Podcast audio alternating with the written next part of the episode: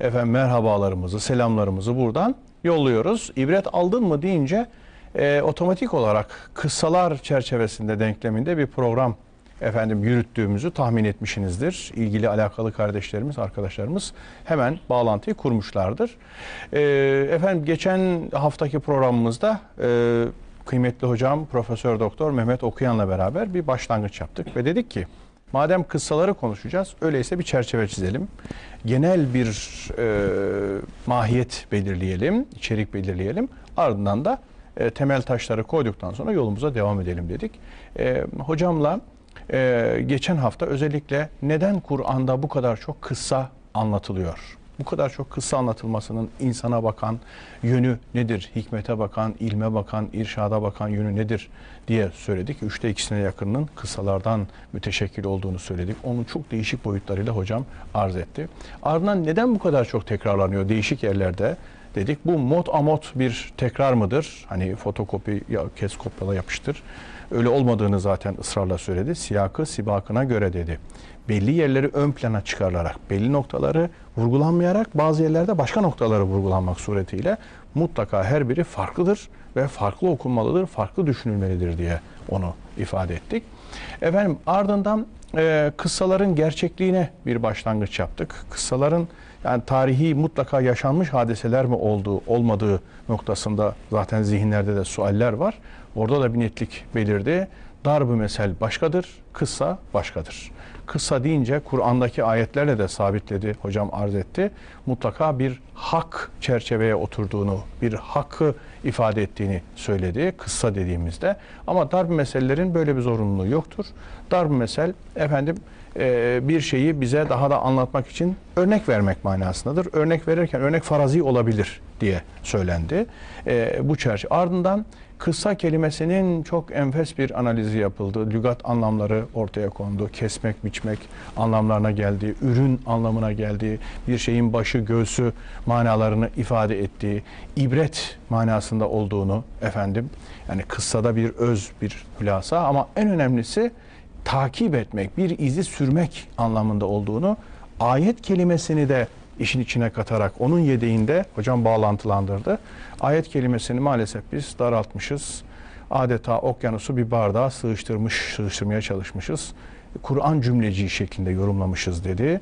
Çoğul ve tekil e, sigalarının neleri ifade ettiğini çok geniş bağlantılarla bize izah etti. Ardından e, gelip dayandığımız noktada e, bu Kur'an'ın gerçekliği meselesinde e, anlaşılacaklar var demiştik. Özellikle Yusuf suresinin 111. ayeti hocam da ona mutlaka değinecektir. Onu ben mealen size söyleyeyim. Gerçekten peygamberlerin kıssalarında ya da kıssalarda akıl sahipleri için büyük ibretler vardır. Ondan sonra bu çerçevede konuşacaklarımız var, paylaşacaklarımız var. Hocamın söyleyecekleri, aktaracakları var. Onunla yürüyeceğiz. Bakalım ne şekilde devam edecek. Hocam hoş geldiniz. Teşekkür Sefalar ederim. getirdiniz. Allah razı olsun. Sağ olun. Bir özet yaptım ki Kur'an'daki kıssalardan aldığımız usule de uygun düşsün diye tekrar hatırlatalım, tekrar edelim. Böylece bir tesise vesile olsun diye. Hocam e, kaldığımız nokta itibariyle Kur'an kıssalarının ibret olması ondan sonra Biraz gerçekliğine ve gerçekliğine efendim işaret etmesi manasında e, daha önceki söylediklerimizi de hesaba katarak nasıl bir güzergah tayin ederiz? Evet.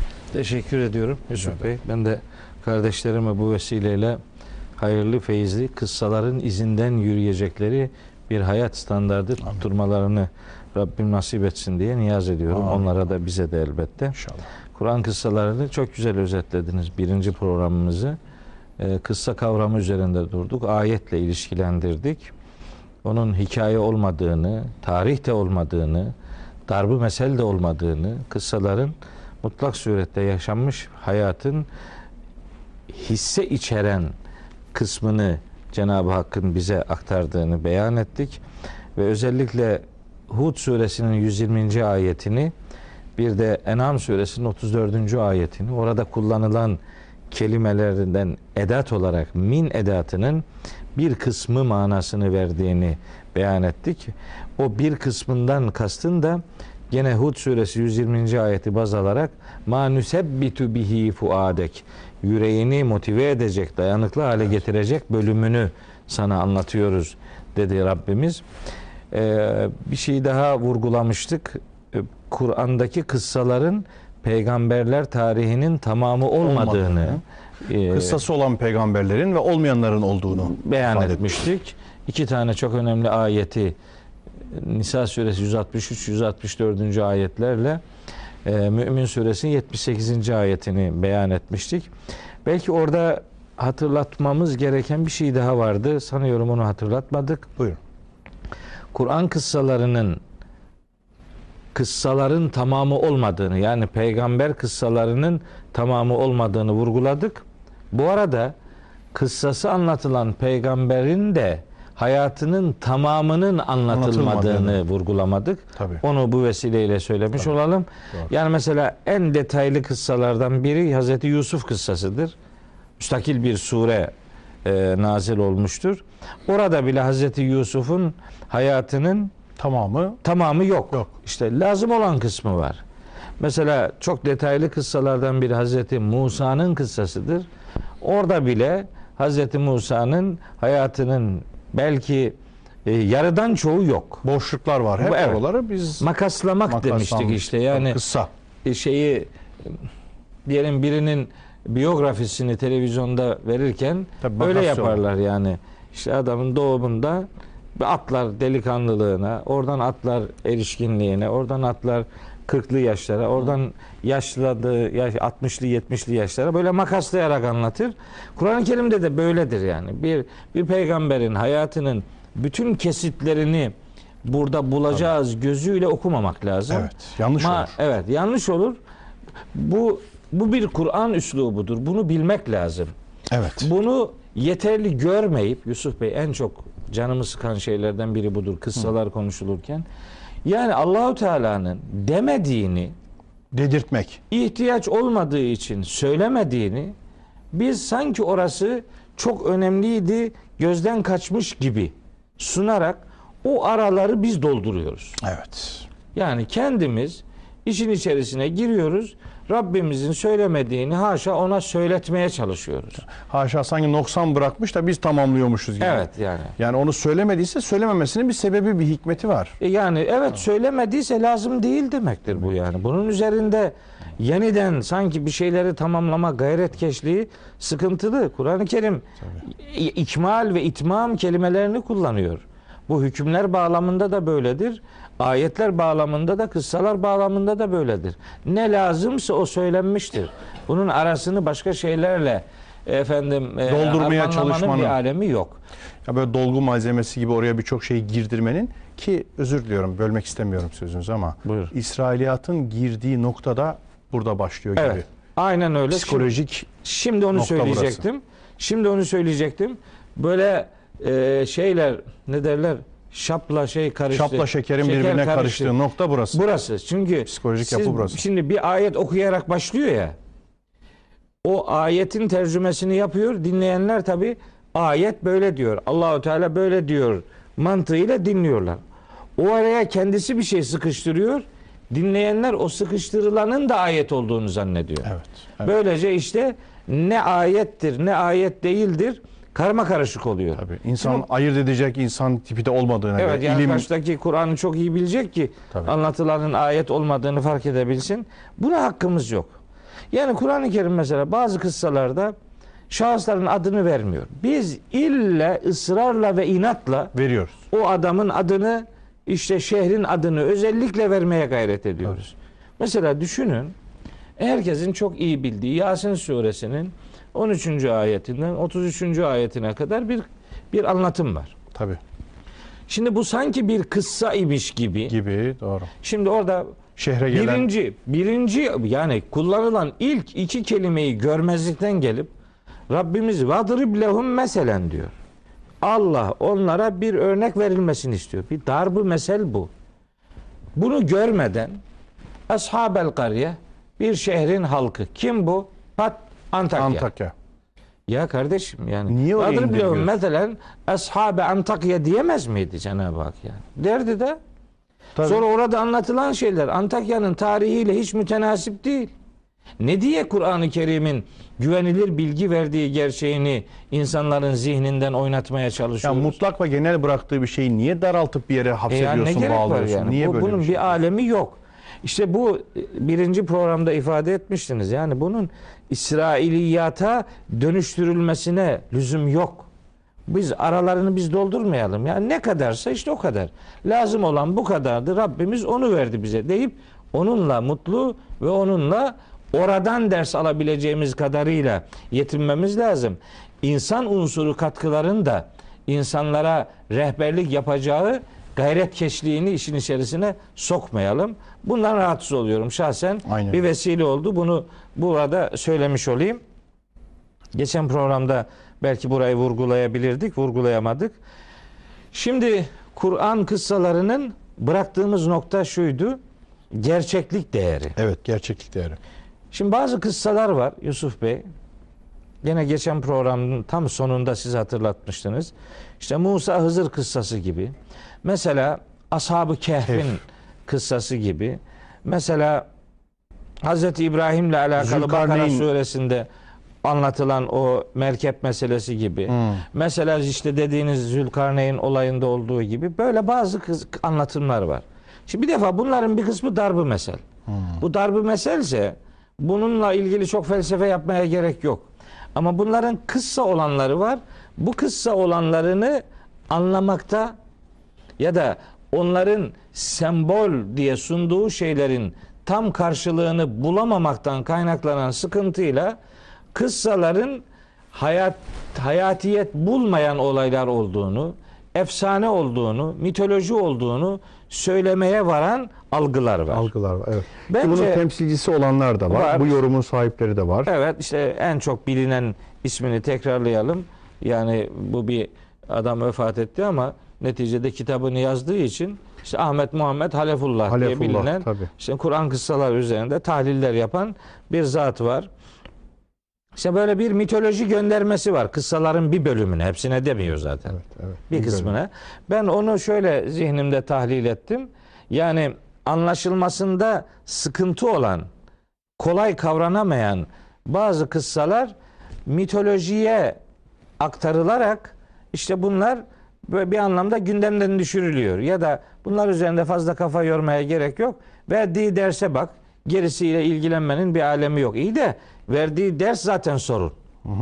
Yani siz ona kıssa dediğiniz zaman onun verdiği dersin adresi değişir. Darbu mesel dediğiniz zaman adresi değişir. Onun adını doğru koymanız lazım. Evet. Ben Kur'an kıssalarının adına kıssa denen bu aktarımların mutlak surette gerçekleşmiş olduğuna inanıyorum. Şimdi eski kültürlere baktığımızda hocam bir nefes arası efendim mesela e, Sümer mitolojisinde işte İnka, Aztek vesaire değişik o eski kadim mitolojilerde hakikaten bazı figürlerin e, Kur'an'daki anlatılan mesela Miraç meselesiyle işte e, o Hazreti Musa ve Hızır ya da bir kul kıssasındaki o figürle benzeşen birçok e, noktalar da göründüğünü biliyoruz. Bunların kitapları var yazılı halde.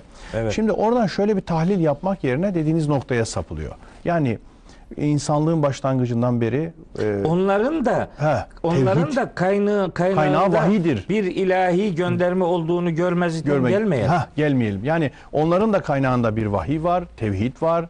Ondan sonra aynı kaynaktan gelişinin ha- hadisesi var. Yerel unsurlar tarafından deforme edilmişliği söz konusu. Burada Evet. insanlığın ortak hafızasına bakmak ve bu ortak hafızayı doğuran tek kaynağı görmek yerine Evet. oradaki mitolojiyle benzerlikler görüp hemen mitolojiye buradaki var olanları hamletmek ayrı şeyler. Evet. Çok ayrı şey. İkisi ayrı. Harikulade. Tam da işte bunu demek istiyorum. Yani izah edemiyordu, iz, izah eme- edemediğiniz noktalar var diye hemen onu mitolojiye atmayın. Mitolojik unsurlar olabilir içerisinde ama o o adına mitoloji denen şeylerin Vahyin ille de bozulmuş. m- bağımsız olması gerekmiyor. Gerekmiyor. O Sümer kaynaklarında olan bilgilerin de daha temelinde bir vahyi kalıntı olmasına mani bir durum yok Yani ki. 124 bin peygamberden birinin oraya niye geldiğini düşünemiyoruz. Yani, sayki öyle olsun Hayır, yani. tabii. Ama eğer kıssa ise biz bunu düşüneceğiz. Yok darbu meselesi zaten böyle arayışlara girmemizin çok da bir alemi yok. Ben kıssaların, kıssaların anlatıldığı ayetlerde Şimdi mesela Hud suresi 120. ayet. Ta başından beri bu sure çeşitli kıssalar içerir. Onların sonunda en sonunda Yüce Allah buyuruyor ki işte bak bakın diyor. Allah peygamberlerin haberlerinden bir bölümünü özellikle de kalbini dayanıklı hale getireceğimiz bir bölümünü sana böylece biz anlatıyoruz. Küllen nekussu aleyke min enba'ir rusuli ma nusebbitu bihi fuadeke. Ve caeke ve caeke fi hadihi. Bu konuda yani bu anlatılan meselelerle ilgili sana gelen şey el hakku hakkın, gerçeğin ta kendisidir. E şimdi insanlar bazı şeylerde ihtilaf ediyorlar bazı kıssalarda. O ihtilaf edip durdukları şeylerin doğrusunu Kur'an onlara öğretiyor. Böylece gerçeğin bilgisini getirdiği e, noktasından meseleye bakmak durumundayız kıssalarla alakalı. Mesela bakınız gene kavranması zor. Hep yanından kenarından kaçıp gittiğimiz kıssalardan biri de bu Ashab-ı Kehf kıssasıdır. Evet, evet. Şimdi mesela onunla ilgili buyuruyor ki Rabbimiz surenin 13. ayetinde Nahnu nakussu aleyke Sana anlatacağız biz. Ya da anlatıyoruz. Sen sureyi e, başlangıcı itibariyle e, Em hasibte ayetinden itibaren başlayınca o kıssa başla, başlıyor. 9. ayetten. Nahnu nakussu aleyke Biz sana anlatıyoruz. Kıssa ediyoruz. Nebe'ehum Onların haberini. Haberini. Nebe kelimesini özellikle kullanıyor. Verdiğim örneklerde de hep bu kelime var Ki ayetlerde. onun analizini yapmıştık. Evet, Nebe, nebe kelimesinin kelimesi. hususiyetini paylaşmıştık. Evet. Daha Bunu önce. anlatıyoruz sana bil hakkı. Şimdi bu bil hakkıya bir amaç için manasını verebiliriz. Tamam. Bu bunu anlatmamızın bir maksadı vardır. Bütün kıssaların anlatılmasının bir maksadı vardır. Geçen program demiştik yani ayettir kıssalar. Tabii. Hepsinde bir ibret vardır. Programımızın adını da onun için böyle verdik. Her birinde bir ders var, bir ibret var. Bir ders, bir amaç uğruna bütün bunları sana anlatıyoruz.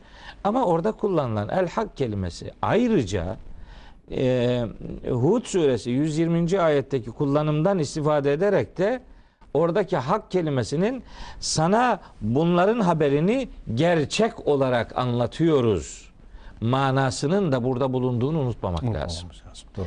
Bir amaç için anlatıldığı vurgusuna eyvallah tamam bu doğru ama bunu sana doğru bir şekilde anlatıyoruz. Çünkü yani surenin Bir ileriki hakka, hakikate ve vakaya istinaden, istinaden anlatıyoruz. anlatıyoruz. Ee, ama e, bunun bunu anlatmamızın genel çerçevede amacı neyse bunun da amacı odur. Bir ders vermek, bir ibret çıkarmak. Çünkü hani surenin gelen ayetlerinde, ilerleyen ayetlerinde işte o ashab-ı kehfin sayısıyla alakalı işte bir takım spekülatif şeyler olduğunu söylüyor Allahu Teala. Sonunda da buyuruyor ki Rabbi a'lemu bi iddetihim sayısıyla ilgili ileri geri konuşmayın. Onların sayısını Rabbim en iyi bilendir. Bitti. Demek ki şimdi Allahu Teala onların sayılarını vermiyor. Vermiyorsa biz şimdi onların sayılarıyla ilgili İlla rakamlar 7 idi 10'du falan demenin manası yok. Ge- gerek yok. İşte orada ne kadar kaldılar? 300 mu kaldılar, 309 mu kaldılar? Ayetin sonunda diyor ki 26. ayette Kulillahu a'lemu bima lebisu. Ne kadar kaldıklarını Allah gayet iyi bilmektedir. En iyi o bilir. Yani onların orada ne kadar kaldığıyla ilgilenmeyin. Şimdi orada yaşananlar var, söylemler var. Oradan ders çıkartmaya bakın diyor. Yani bakın yani oradaki müphemiyetle beraber ilmi ilahiye aslında bir gönderme, var. gönderme var. Tabii. Diyor ki yani siz size verdiğimiz kadarıyla meşgul olun. İşin spekülasyon taraflarıyla uğraşıp da rotanızı şaşırmayın. Ama bu şimdi Cenab-ı Hak bu kıssa eğer gerçek olmasaydı siz onların sayısını tam bilemezsiniz. Onu biz biliriz. Onların orada ne kadar kaldığını siz bilemezsiniz. Biz Biz biliriz. biliriz. Der miydi yani? Evet. Yani buna niye vurgu yapıyor? Demek ki bu böyle bir gerçek vaka var. Biz onun bazı noktalarını kavrayamıyor olabiliriz. Evet. Bugün burada kavranamıyor olması onların mutlak manada kavranamazlığını ortaya koymaz. Tabii.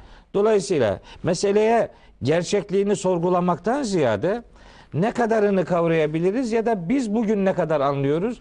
Bir, bir, bir başka gün bir başkası bir başka yönüyle anlar. Ama bizim anlayamadığımız taraflar var diye kıssaları bir mitolojik unsurlara indirgemeyi çok doğru bir yaklaşım olarak görmüyorum. Yani Ashab-ı Kehf'le ilgili o ayetteki kullanımı da onun için e, beyan etmek istedim. Bir tane daha var. O da Kasas suresinde Hazreti Musa ve Firavun Evet. e, kıssasının başında geçiyor. Orada buyuruyor ki hemen 3. ayeti Kasas suresinin Estağfirullah. Netlu aleyke min nebe'i Musa ve Firavun'e. Biz böylece sana Musa ve Firavun'un haberinden bir kısmını, gene orada min edatı var. Bir kısmını aktarıyoruz. Evet, Burada tilavet. tilavet. etmek aktarmak demektir. Ya da gündemine getiriyoruz. Getiriyoruz. Diğer iki manada var. Biz şimdi geçen program yaptığımız gibi kıssaya takip etme manasını verdiğimiz ayet de burada geçiyordu. 11. ayet. Bunun tilaveti demek yani bu kıssanın tilaveti demek bu kıssanın hakikatinin ya da mesajının arkasından gidin demektir. Eyvallah. Aynen öyle. Yani onu anlatıyor ve orada diyor ki Netlu aleyke min nebe'i Musa ve Firavune bil hakkı. Aynen şeyde Kehf suresinde olduğu gibi. Bir amaç uğruna bunu anlatıyoruz. Tabii. Ama haber bu Musa'nın ve Firavun'un haberinden, nebeinden bir kısmını anlatıyoruz, aktarıyoruz ifadesi olayın gerçekleşmişliğini ortaya koymaktadır Evet. hem amacını bir amaca istinaden yani bir ibret bir ders alınsın diye anlatıldığını ortaya koyuyor hem de anlatılanın gerçek olduğunu ortaya koyuyor. Yusuf kıssasının başında da öyle bir gönderme var. Nahnu nakussu aleyke ahsenel kasası bima uhayna ileyke hazel Kur'an ve in kunte min qablihi le minel gafilin. Kur'an'dan önce sen bu konuda bilmiyordun yani. Ya da bilinenler olanın ta kendisi değildi. Onunla ilgili detay veriliyor. Ben bütün bunlardan hareketle Kur'an kıssalarının kıssa olanlarının mutlak surette gerçekleşmiş olduğuna inanıyorum. Bunların hikaye gibi gerçekleşmemiş olma ihtimalini düşünmek bile istemiyorum. Niye böyle oldu? İzahında, anlaşılmasında kısmi sorunlar yaşanan bazı kesitler vardı. Onları yorumlama yerine, onlardan mesaj çıkarma yerine bunlar acaba gerçekten neyi karşılıyor? Bunu bunu bulamadığımız için mitolojiye, Sümerlere, başka taraflara işi ihale etme yolu seçildi. Bu doğru değil. Şimdi burada meselenin gerçekliğinin konuşulduğu her ortamda hatırlanması gereken bir kavram daha var. Onu da program arasında söylemiştiniz. Program başında esatirul evvelin diye bir şey evet. var. Tabii. Şimdi Kur'an'ın en önemli Mekke müşriklerinin suçlama konusu edindikleri konulardan biri de budur. Kur'an esatirul evvelindir. Yani öncekilerin uydurduğu masallardır. Suçluyorlar işte. Enfal suresinde var, Nahl suresinde var, Furkan suresinde var, var da var. Şimdi bir tanesinden örnek verelim. Gerisi zaten söylenmek istenen anlaşılacaktır. Ve gâlellezîne keferu. Furkan suresi 4 ve 4, 5, 6. ayetleri okuyacağım. 3 ayet. Estağfirullah. Ve gâlellezîne keferu. Mekke müşrikleri demişler ki kafirler, nankörler. İn hâzâ illa ifkün. Bunun bu söyledikleri tam bir işte yalandır, iftiradır. Uydurmadır. İftirahu üstelik bunu kendisi uyduruyor peygamberimiz için. Bu, bu söylenenler, bu vahiy adına söylenenler hepsi tabi. Vahiy. Burada tartışma konusu vahiy. Vahyin ortaya koyduğu şeyler Hazreti Peygamberimiz için, için diyorlar ki onu o uydurdu. Ve aanehu aleyhi kavmun aharune. Sadece o değil, başka bir grup da ona yardım etti. Tabii kimin yardım ettiğini söyleyemiyorlar da işte reddedecekler için bunu o uydurdu. Birileri de buna yardım etti diyorlar suçlama. Fakat ca'u zulmen mezura. Bunu böyle söylemekle aslında büyük bir haksızlık yaptılar ve çok da büyük bir yalan ortaya koydular. Bu ifade Mekke müşriklerinin ifadesinin devamı da olabilir. Arada Allahu Teala'nın onlara verdiği bir cevap da olabilir. Hani devamı olursa yani buna yardım edenler büyük haksızlık, ettiler ve yalan söylediler manasında bu sözü Mekke müşrikleri de söylemiş olabilir. Ama benim tercihim bunu Cenab-ı Hakk'ın onlara cevap olarak söylediğidir. Ve kalü devam ediyorlar. Müşrikler diyorlar ki Esatirul evvelin. Onun vahiy diye söyledikleri öncekilerin masallarıdır. İktetebeha bunları kendisi yazdırıyor önce. Feyyetümle aleyhi bükreten ve asıyla. Sonra da sabah akşam ona imla ettiriliyor. Evet. Yazdırılıyor. Yani bunu peygamberimizin Dikte ettiriliyor. Dikte ettiriliyor yani. İmla ettirmeyi öyle anlayalım. Dikte ettiriliyor. Kendisi önce yazdırıyor sonra da yani vahiy gelmiş gibi öyle yazdırtılıyor ona veya dikte ettiriliyor. İfadeniz gayet yerinde. Şimdi bunun bütün bu suçlamalara Allahu Teala cevap veriyor. Neydi suçlama? Vahyi peygamber uyduruyor sallallahu aleyhi ve sellem. Onlar peygamber demiyor. Biz öyle ifade etmek durumundayız. O uydurdu ve üstelik ona birileri de yardım etti. Zaten bu söylenenler esatirul evvelindir. Öncekilerin e, masallarından başka da bir şey değildir. Hatta hemen hatırlatmak durumundayım. Enfal suresinin 21. 31. ayetinde böyle bir ifade geçiyor. Ve idâ tutla aleyhim ayatuna onlara bizim ayetlerimiz aktarıldığı zaman, hatırlatıldığı zaman galu derler ki, demişler ki kad semi'na duyduk, anladık. Lev neşâhu isteseydik lekulna misle hâdâ. Biz de bunun gibi bir mislini şeyler söylerdik. söylerdik. İn hâdâ illa esatirul evvelin. Bu zaten öncekilerin evlerin masallarından başka bir şey değildir diyorlar. Suçlama bu.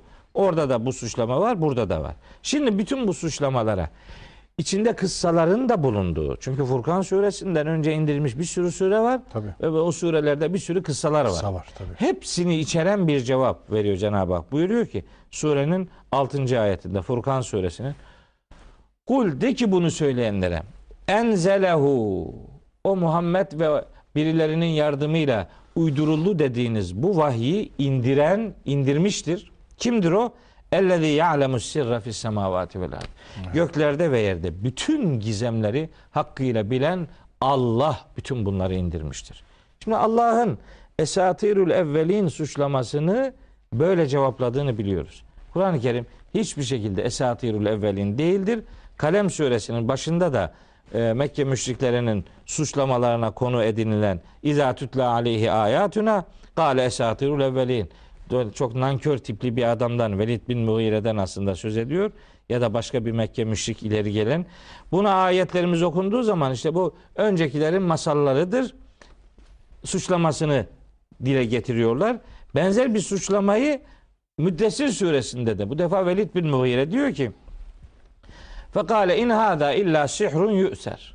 Bu öteden beri devam edip gelen bir büyüdür. İn hâzâ illa kavlul beşer. Bu bütünüyle Beşer. zaten bir beşerin sözüdür Sözüdür. diye Hazreti Peygamber'i suçluyor kendine göre. İşte bunların cevabı Furkan suresi 5. ayette veriliyor. Rabbimiz açıkça 6. ayette buyuruyor ki Enzelehu ellezî ya'lemu sirra fis semavati vel.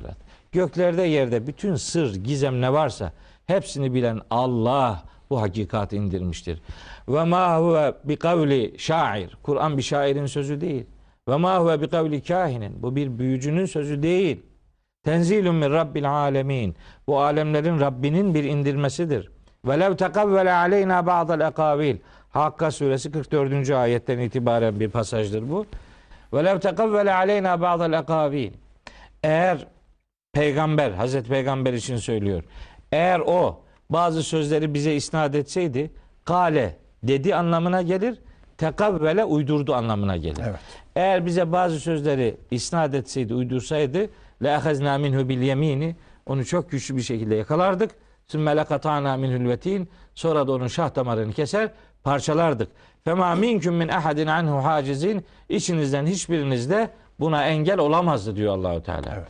Bir beşer sözü oluşunu ya da beşer tarihinin, insanlık tarihinin ürettiği efsanevi, mitolojik anlatımlarla Kur'an'ı buluşturmanın bu ayetler ışığında yeniden değerlendirilmesi ve Kur'an'da böyle mitolojik unsurların bulunmadığını ortaya koyan çok net cevaplardır bunlar.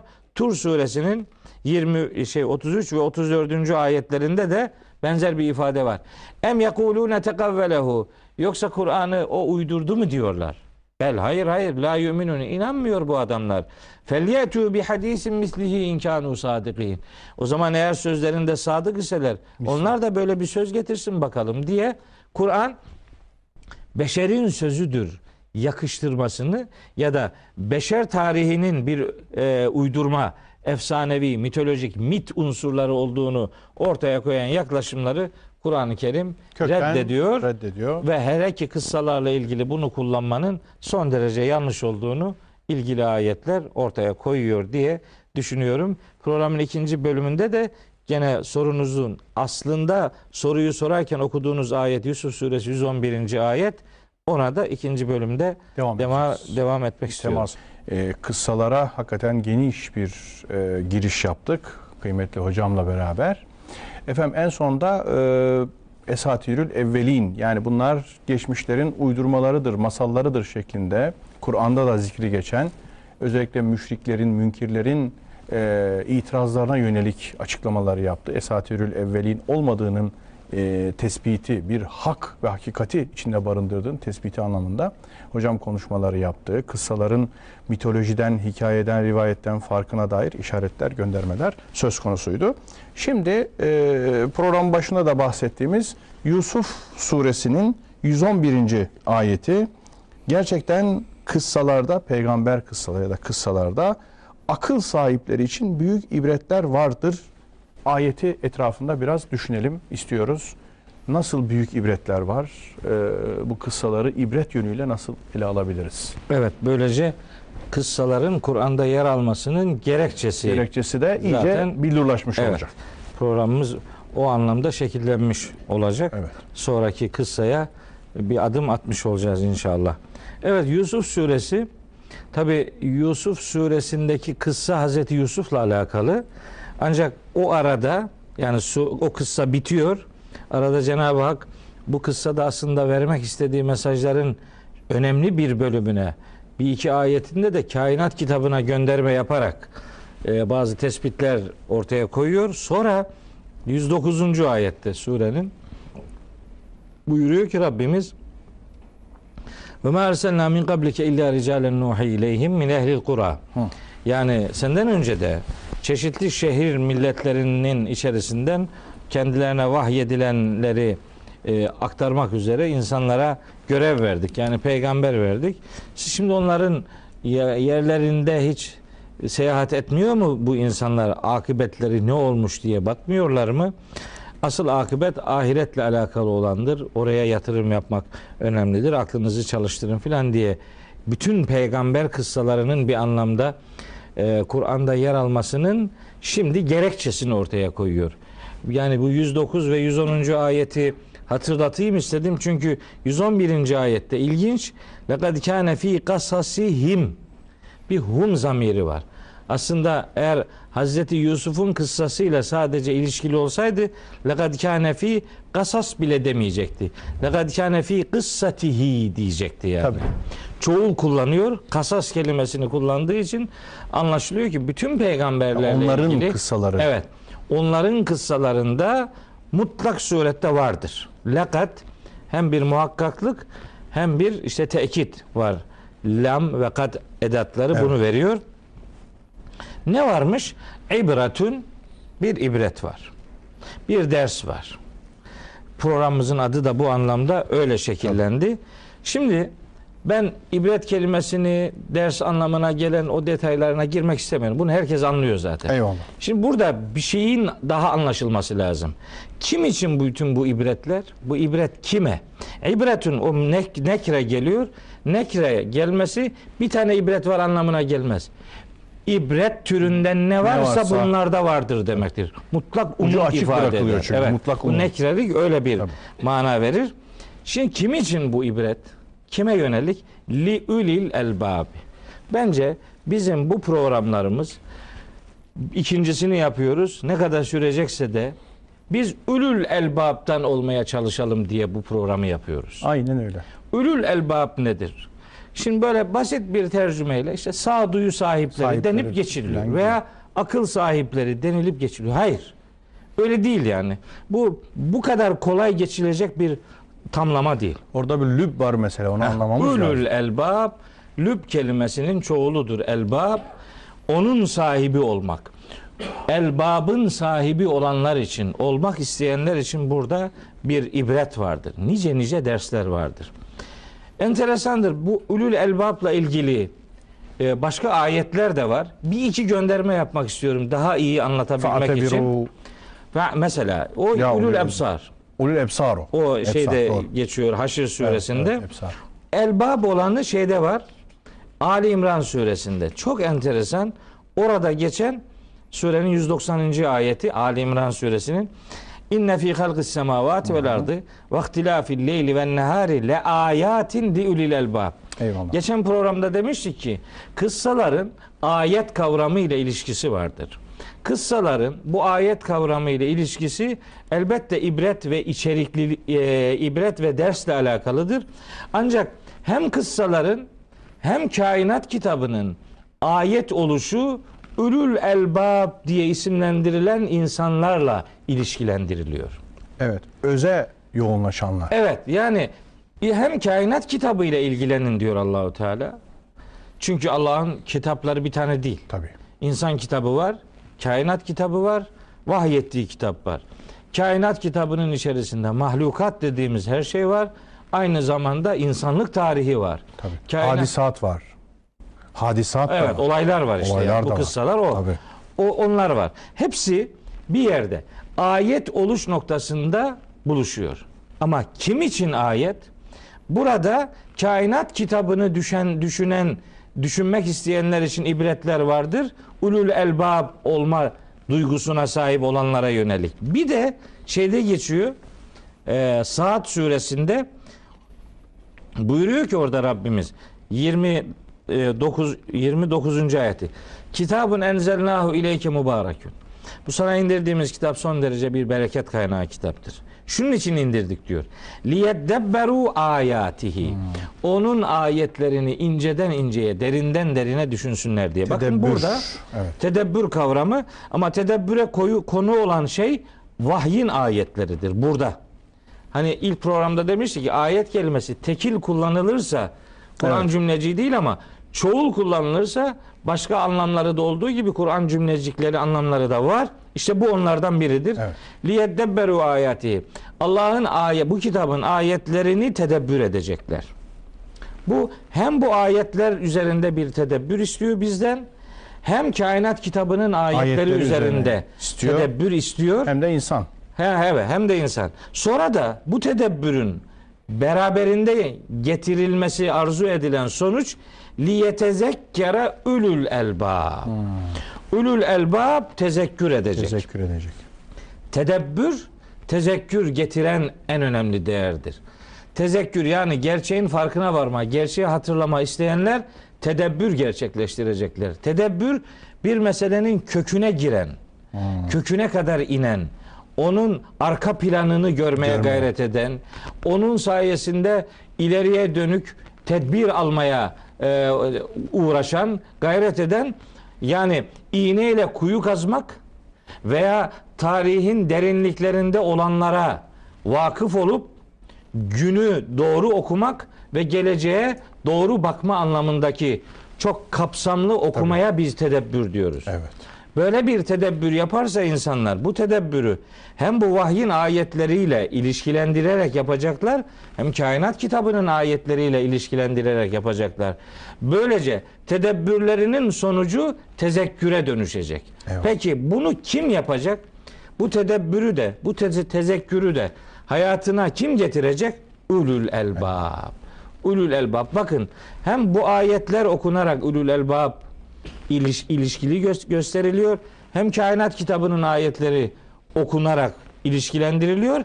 Hem de kıssalar okunarak ilişkilendiriliyor. İlişkilendiriliyor. Üçü de üçü Allah'ın üç kitabından da Allah'a ulaşılır.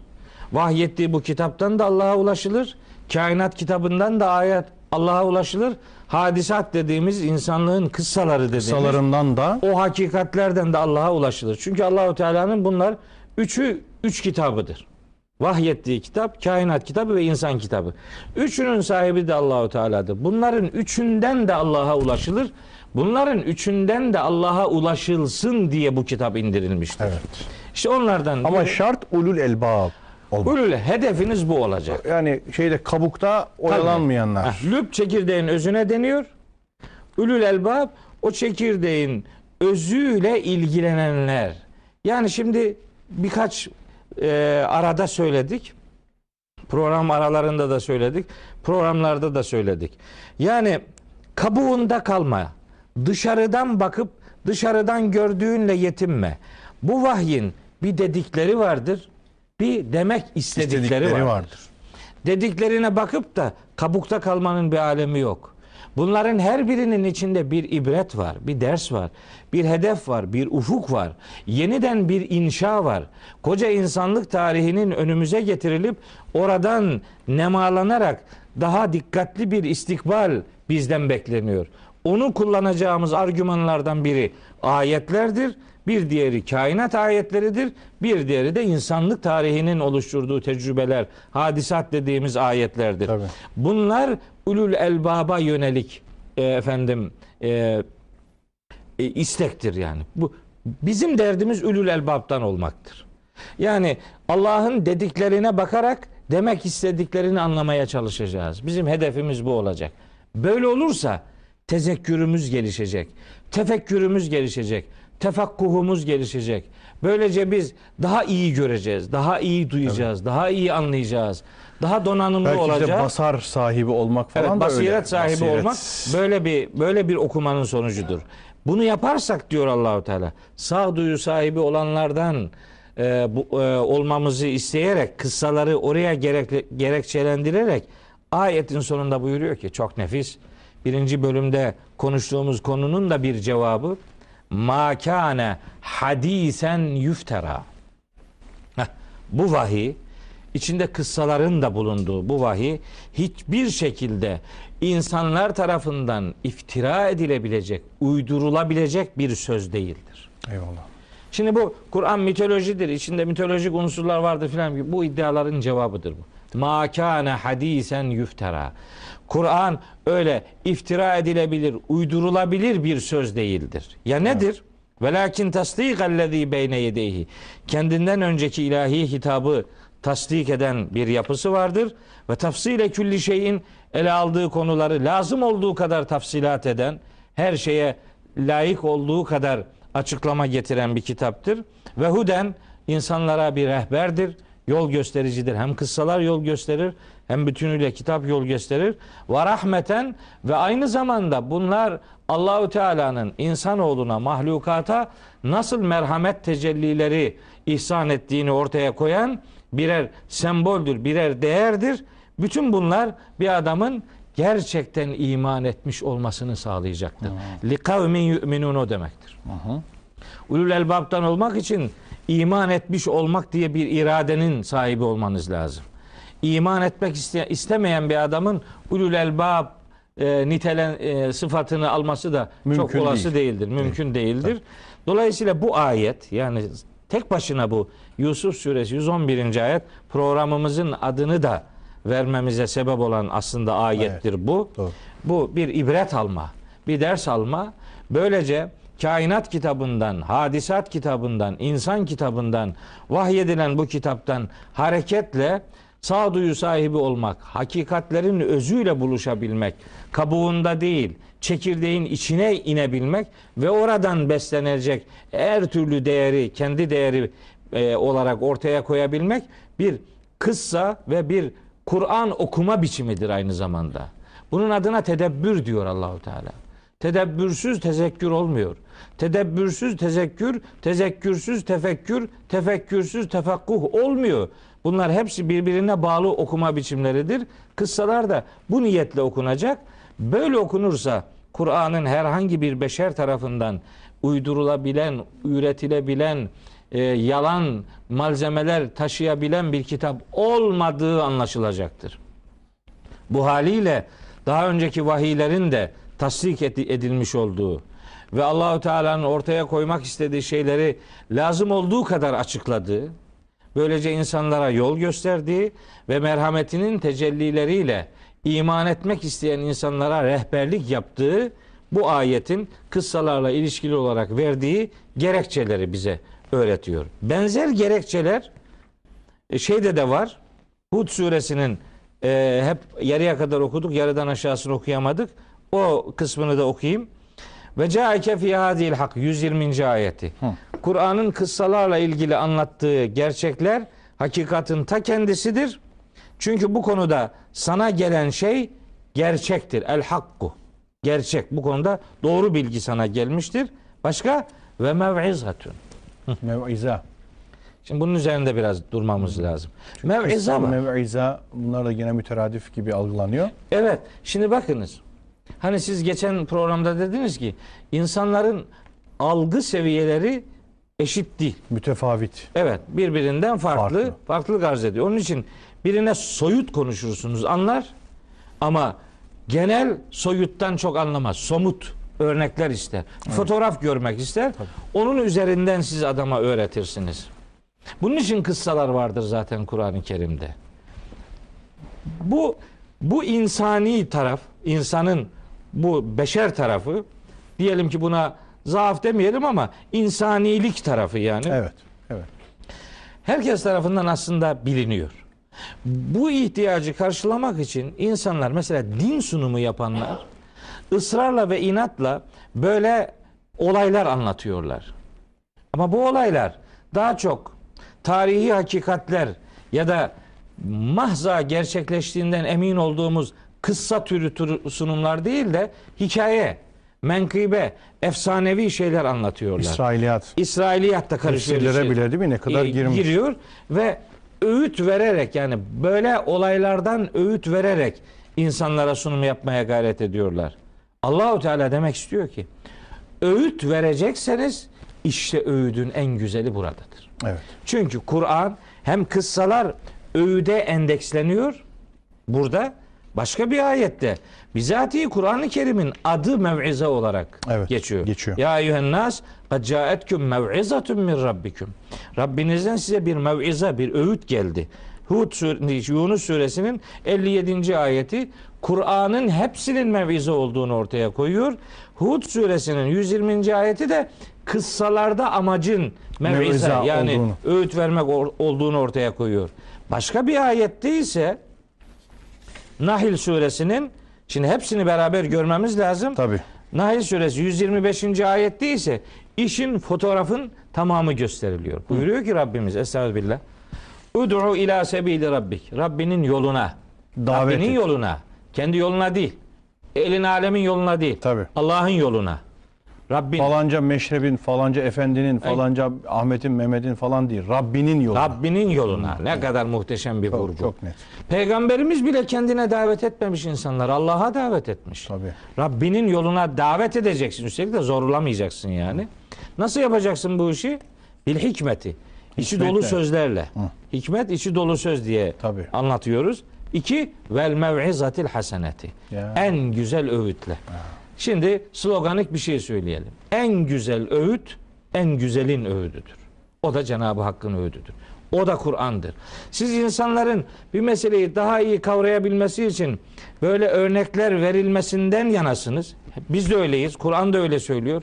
Ama siz üretilmiş, hadisen yüftera türünden üretilmiş, uydurulmuş sözlerden medet ummayın. Size en güzel öğüt Allah'ın verdiği öğüttür. En güzel hayat kesitleri Allah'ın bizim önümüze koyduklarıdır. İşte o Kur'an kıssalarıdır. Kur'an kıssalarının anlatılmasının gerekçesi muhataplara öğüt vermek. Güzel bir mev'ize olması yönü de vardır. Evet. Ve davet etme, Rabbinin yoluna davet etmede de bir unsurdur. unsurdur. Burada kullanılacak malzeme Kur'an, Kur'an kıssalarıdır. Mev'ize. Başka mev'izeler anlatıyor adam. Anlatma. Yani bana başka bir şey anlatma. Bana Allah'ın mev'ize dediği şeyi anlat.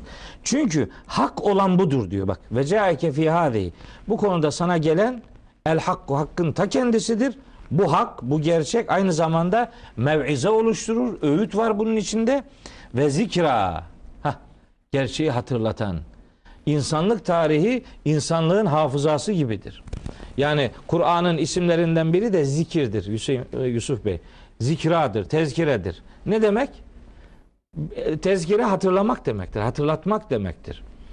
E, birine bir şeyi hatırlatmanız için o şeyi ona önceden bir bildirmeniz lazım. Yani ikinci yaptığınız işe hatırlatma derler. Aynen öyle. Birincisine hatırlatma Daha önceden demiyorlar. hiç bilmediği bir şeyi hatırlatmış olmayız. Olmazsınız yani. Bildiği bir şeyi tekrar Tek hatırlatırsınız. evet ona ikinci defa Tabii. gündemine getirmekle hatırlatırsınız. İlk, ilk defa duyduğu şey onun zaten malum olmayan şeydir. Şeydir. Malum ediyorsunuz. O evet o birinci talimdir. Talimdir. Ona ona tezkir edemezler. Ve bakın Kur'an-ı Kerim kendisinin zikir olduğunu söylüyor. Bir şey hatırlatma yani adı ke- kelime olarak isimlerinden biri budur. Kıssalarda da bu vardır. Biz bunu bir yere oturtmamız lazım. Kur'an'ın zikir, zikra, tezkire oluşu ne demektir? Ben buna şöyle cevap veriyorum. Kur'an'ın hatırlatıcılığı Allahu Teala'nın insanın fıtratına yerleştirdiği hakikatlerle bu hakikatlerin örtüşmesidir. Yani bizim fıtratımız Allahu Teala bu hakikatleri yani hamurumuzu yoğururken onları oraya yerleştirmişti. Şimdi bu kitap bize sunduğu bu gerçeklerle aslında fıtratımızdaki hamuru bizimle yeniden buluşturuyor. Böylece hatırlatılmış oluyor. Evet. Kur'an Kur'an kitabı fıtrat kitabıyla. Buluşturuluyor. Bu anlamda hatırlatmadır. Peki kıssalardaki hatır- hatırlatıcılık nedir? O da insanlık tarihini bir insanın hafızası gibi düşünmek durumunda olduğumuzu e, varsayıyorum. Yani yani o gün filanca bilmem kaç bin yıl önce yaşamış bir insanın insan olarak psikolojisi olaylara gösterdiği tepkide yani onun insaniyet tarafı ne kadar etkin idiyse sizinki de öyle olacak yani. Dolayısıyla o gün yaşananla şimdi senin bugün yaşadığın netice itibariyle birbirini tamamlayacaktır. Siz ilk defa bir şeyle karşılaşıyor olmayacaksınız. Sizin beşer hafızanız başka tecrübeleri de yadırgamayacak şekildedir. Fıtratımızda işin filmin o tarafları da vardır. O itibarla Kur'an kıssaları aynı zamanda bir zikirdir. Ya bir bu anlamda zikradır. Zikradır. Maruf kelimesini de aslında bu anlamda düşünebiliriz. Yani Evet. daha önceden e, onun zihninde marefesi, bilgisi olmayan bir şeyi tamamen ona hatırlatmak İlk sunmak. defa tanınmayan biriyle karşılaşıldığında Kur'an-ı Kerim mesela diyor ki Hazreti İbrahim Evet. min yanına melekler geliyor ve e, diyor ki onları onları e, inkar etti. Evet, evet, İnkar evet, etti. evet. Orada kullandığı kelime nekire kelimesi. Evet, evet. Nekkiru kelimesi bakın hemen ayetini bulayım doğru şeyler söylemiş olayım. Felemma ra'a eydiyehum la tasilu ileyhin nekirahum. Tabii. Onları yani tanımadı. Hoş görmedi. Yani alışık olduğu bir şeyle karşılaşmadı. Başka bir şey oldu. Evet. İn gale innehum kavmun münkerun. Tanınmayan bir topluluk. İlk defa karşılaşılan için nekir, nekire, münker kelimesi kullanılır. Sizin dediğiniz maruf onun zıddıdır. Zıddıdır. Yani bize Kur'an'ın sunduğu bu kelimeler aynı zamanda bizim e, marufumuz arasındadır. Evet. Yani emri bil maruf da aslında bir Tabii. insana Fıtratıyla bildiğinden, buluşma. fıtratıyla bulu, bilinenden hareketle bazı şeyleri söylemek. Aynen öyle. Yani onda karşılığı olan noktalara, kodlara temas ederek bazı şeyleri anlatmak. Aynen öyle. Yoksa meçhul olur, maruf olmaz. Evet onun için de bunun adı zikirdir, zikradır. Kıssalarında anlatılmasının gerekçesi müminler için bir öğüt ve bir hatırlatıcılık misyonuyla Bu buluşturulması. çok önemli. Yani e, Kur'an'ın Rabbinin yoluna e, davet ederken e, bize söylediği şey ve burada kıssaların rolü. Evet. Yani kıssaların kullanılması gerektiği. Orada vurgunuz benim çok hoşuma gitti. Fakat bir yandan da zihnimde şimdi fotoğrafı bütün görelim diye hani Evet. ifrat ve tefrit olmasın diye bir şey beliriyor. Hazreti Peygamber'in efendim hayatına baktığımızda bu siyer kitaplarda da var.